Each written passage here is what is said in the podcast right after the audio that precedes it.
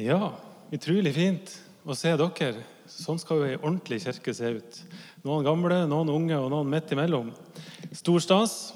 Og så er vi litt trøtt. Tenk at vi valgte den dagen vi skrudde til sommertid. Nei, Det angra vi fælt på en stund. Men nå er vi her, og det er ordentlig, ordentlig fint. Jeg vet ikke om dere kjenner til navnet Simon Flem Devold. Eh, en fyr som er veldig folkekjær. Forfatter, skribent, musikant.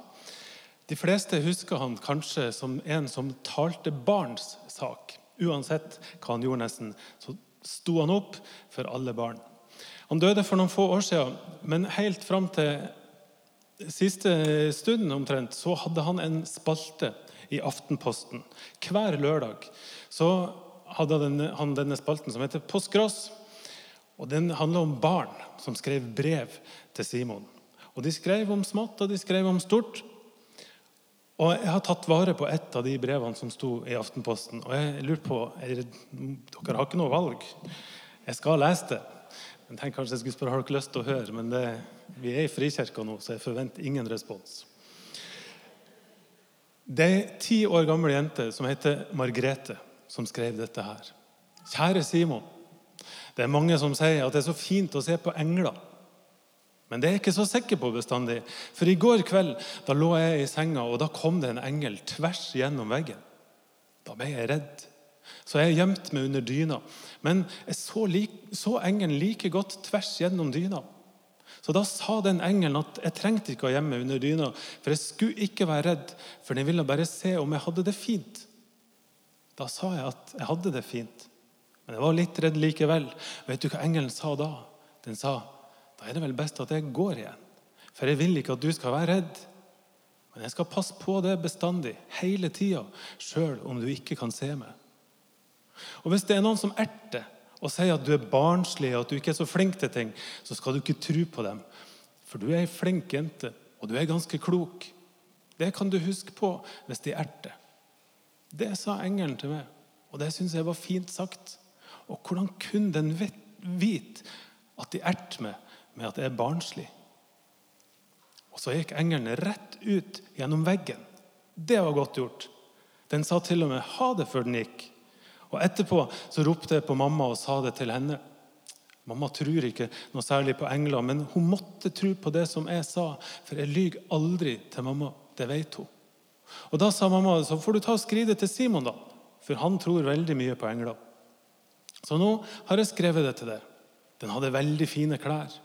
Jeg trodde at alle engler hadde hvite klær, men det hadde ikke den engelen som jeg så. Den hadde fine klær med mange farger. Tror du det var en ekte engel, Simon? PS. Hvis du setter i avisen, så må du rette på de ordene som er feil, for jeg skriver masse feil. Dette er det lengste jeg har skrevet noen gang, men jeg har holdt på med det i fire dager. Hilsen Margrethe, ti år. Hvis man først skal få brev, så kan det godt være sånn. Ikke sant? Var ikke det fint? Jeg vet ikke hva Simon svarte på dette, her, men hva tror dere? Var det en ekte engel? Eller var dette noe som hun innbilte seg? Noe hun forestilte seg, noe hun ønska? Det kan dere jo sitte her og tenke litt på. Og Det mener vi kanskje litt forskjellig om, jeg vet ikke. men det vi kan være enige om, det er jo i hvert fall at det måtte ha vært en utrolig fin opplevelse. Dette førte jo til noe godt. Akkurat som i teksten som Hilde Charlotte leste i stad, som er en utrolig vakker historie, der også en engel er helt sentral. Husker dere hvordan teksten starta, den som Hilde leste i stad?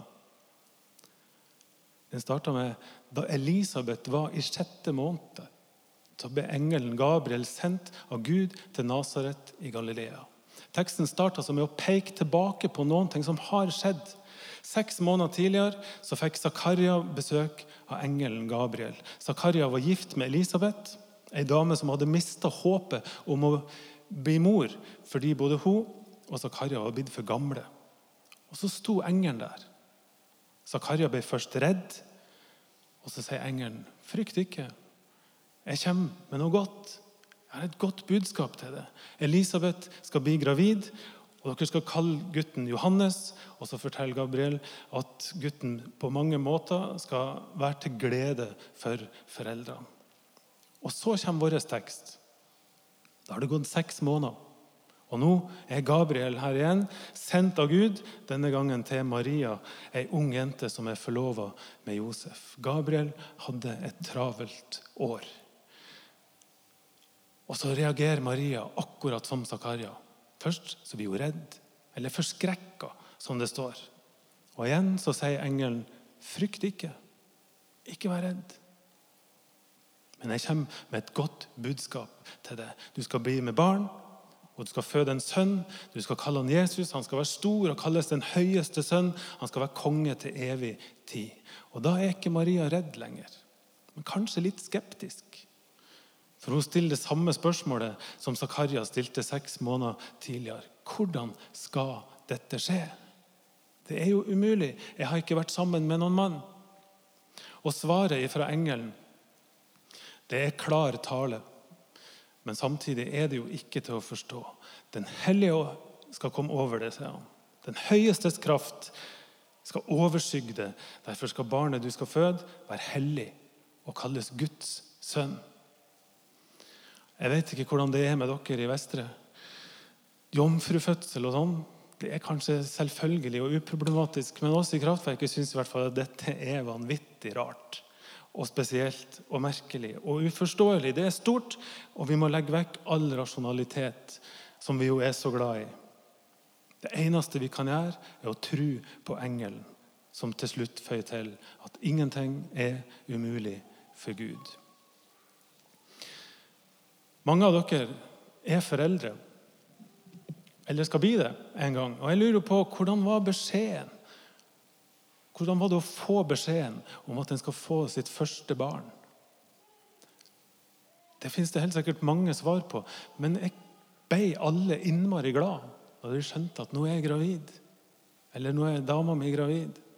Zakaria og Elisabeth de ble glad. Det står det. De ble kjempeglade. Deres største drøm gikk jo i oppfyllelse.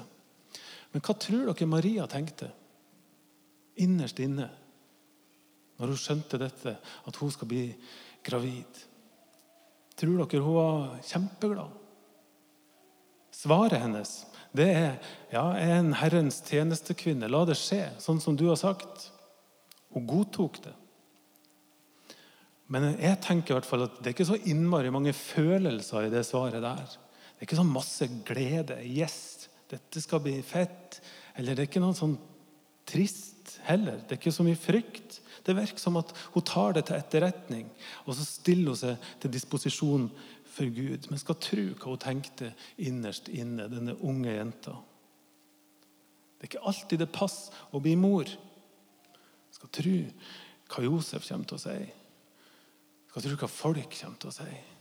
Det var ikke nå jeg hadde tenkt å bli mor. Jeg hadde egentlig andre planer. Det er jo mulig at hun tenkte disse tingene her. Det vet vi ingenting om.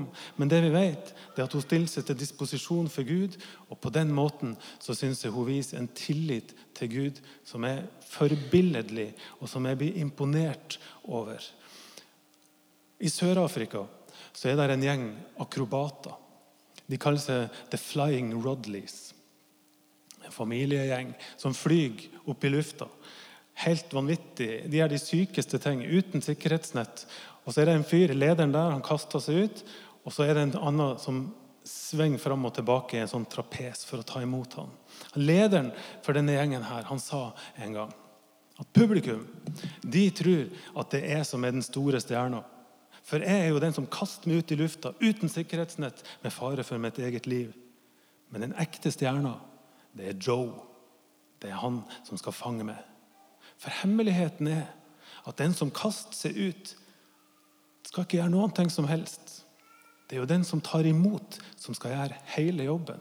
Når jeg kommer flygende oppi der, så holder det at jeg strekker ut armene mine. Og så venter bare på at Joe skal fange meg og trekke meg opp i sikkerhet og trygghet på plattformen bak. Og Når engelen kommer på besøk til Maria, så holder det for henne å gjøre ingenting. Det eneste hun trenger å gjøre, det er å strekke ut armene og så lukke øynene og satse på, sats alt på at Gud har kontroll. Og det ser ut som at det er det hun gjør. Og den tilliten der, den syns jeg er fantastisk imponerende. Maria er stor.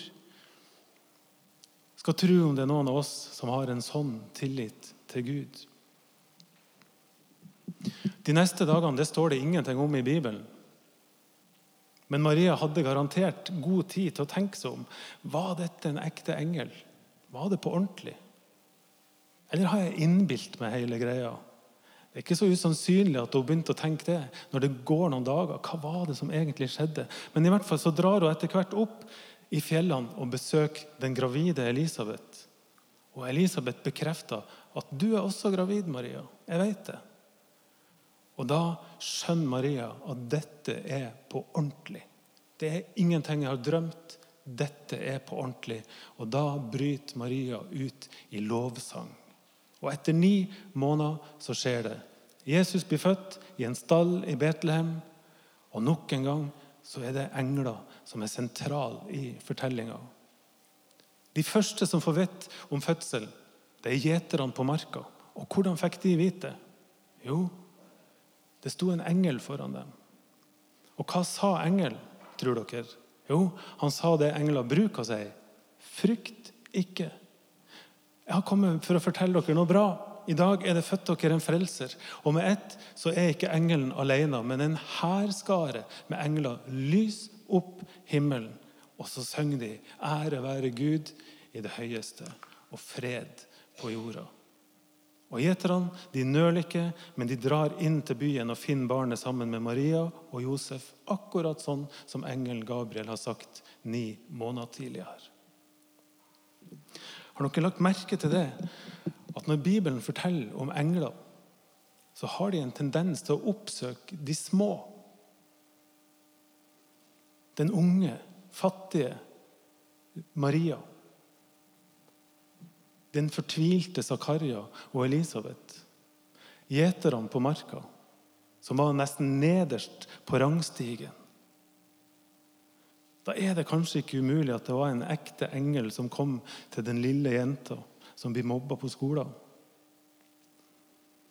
I Bibelen så er i hvert fall dette et mønster. Det mønsteret gjentar seg. Gud er alltid på de svakes parti. Gud har et ekstra godt øye til alle som ligger nede. Det ser ut som Guds største ønske er å løfte opp små folk og gi dem verdighet og en plass og en oppgave i livet som ingen andre kan gi. Og det gir oss litt å tenke på. For vi lever i en kultur og i et land og i et samfunn der vi gjør alt for å skjule svakhetene våre. Den siste tida har jeg lest overskrifter i Dagbladet. Helt typiske overskrifter de siste månedene. Det er sånn 'Slik sikrer du arven din'. 'Slik blir du kvitt fettet'. Ja, eh, slik avslører du brystkreft. Dere kan jo gjette hvordan det var illustrert. Dietten som holder deg ung. Her finner du hyttekuppene. Slank deg til bedre sex. Dette er ordentlige, reelle overskrifter som sier noe om idealene våre. Vi skal være ung, vi skal være frisk, vi skal være rik, vi skal være vellykka. Vi skal ha slank sex i feite hytter. Dagbladet tegn jo ikke altså Dagbladet er jo ikke en sånn spesielt kjip avis. Men Dagbladet tegner et bilde av den kulturen vi lever i. Vi skal oppover, vi skal framover, vi skal utover. Vi skal bli flinkere og vi skal bli vakrere og vi skal ha mer og mer suksess. Vi skal være så sterke som mulig. Og så leser Bibelen om Gud som alltid er på den svakes side. Gud går ikke fremst i køen, han går bakerst. Sammen med de som befinner seg der. Jeg leser om Jesus som løfter opp kvinner og barn og gir dem en status som ingen andre gir dem. Jeg leser om Jesus som helbreder de som er syke, som ga verdighet til de som var utstøtt. Han snakka varmt om utlendinger som jøder ikke ønska å ha noe med å gjøre. Jesus omga seg med forhatte tollere prostituerte. Han ga mat til de som var sultne, og han gråt med de som sørga. Og så, til alt overmål, sender Gud sine engler, ikke til konger og til vismenn, men til de aller, aller minste. Med et godt budskap. Og det tenker dere, for en fantastisk Gud vi tror på. Som gjør akkurat sånne ting som har en sånn omsorg for alle mennesker, og som mer enn noen ting gir oss et levende håp når livet er vanskelig. For livet er vanskelig, også for den sterke. Uansett hva vi lykkes med, uansett hvor vellykka vi framstår, uansett hvor rik vi er eller hvor vakker vi er, så rakner det av og til. Livet er vanskelig for alle og enhver. Sjøl den sterkeste blir syk.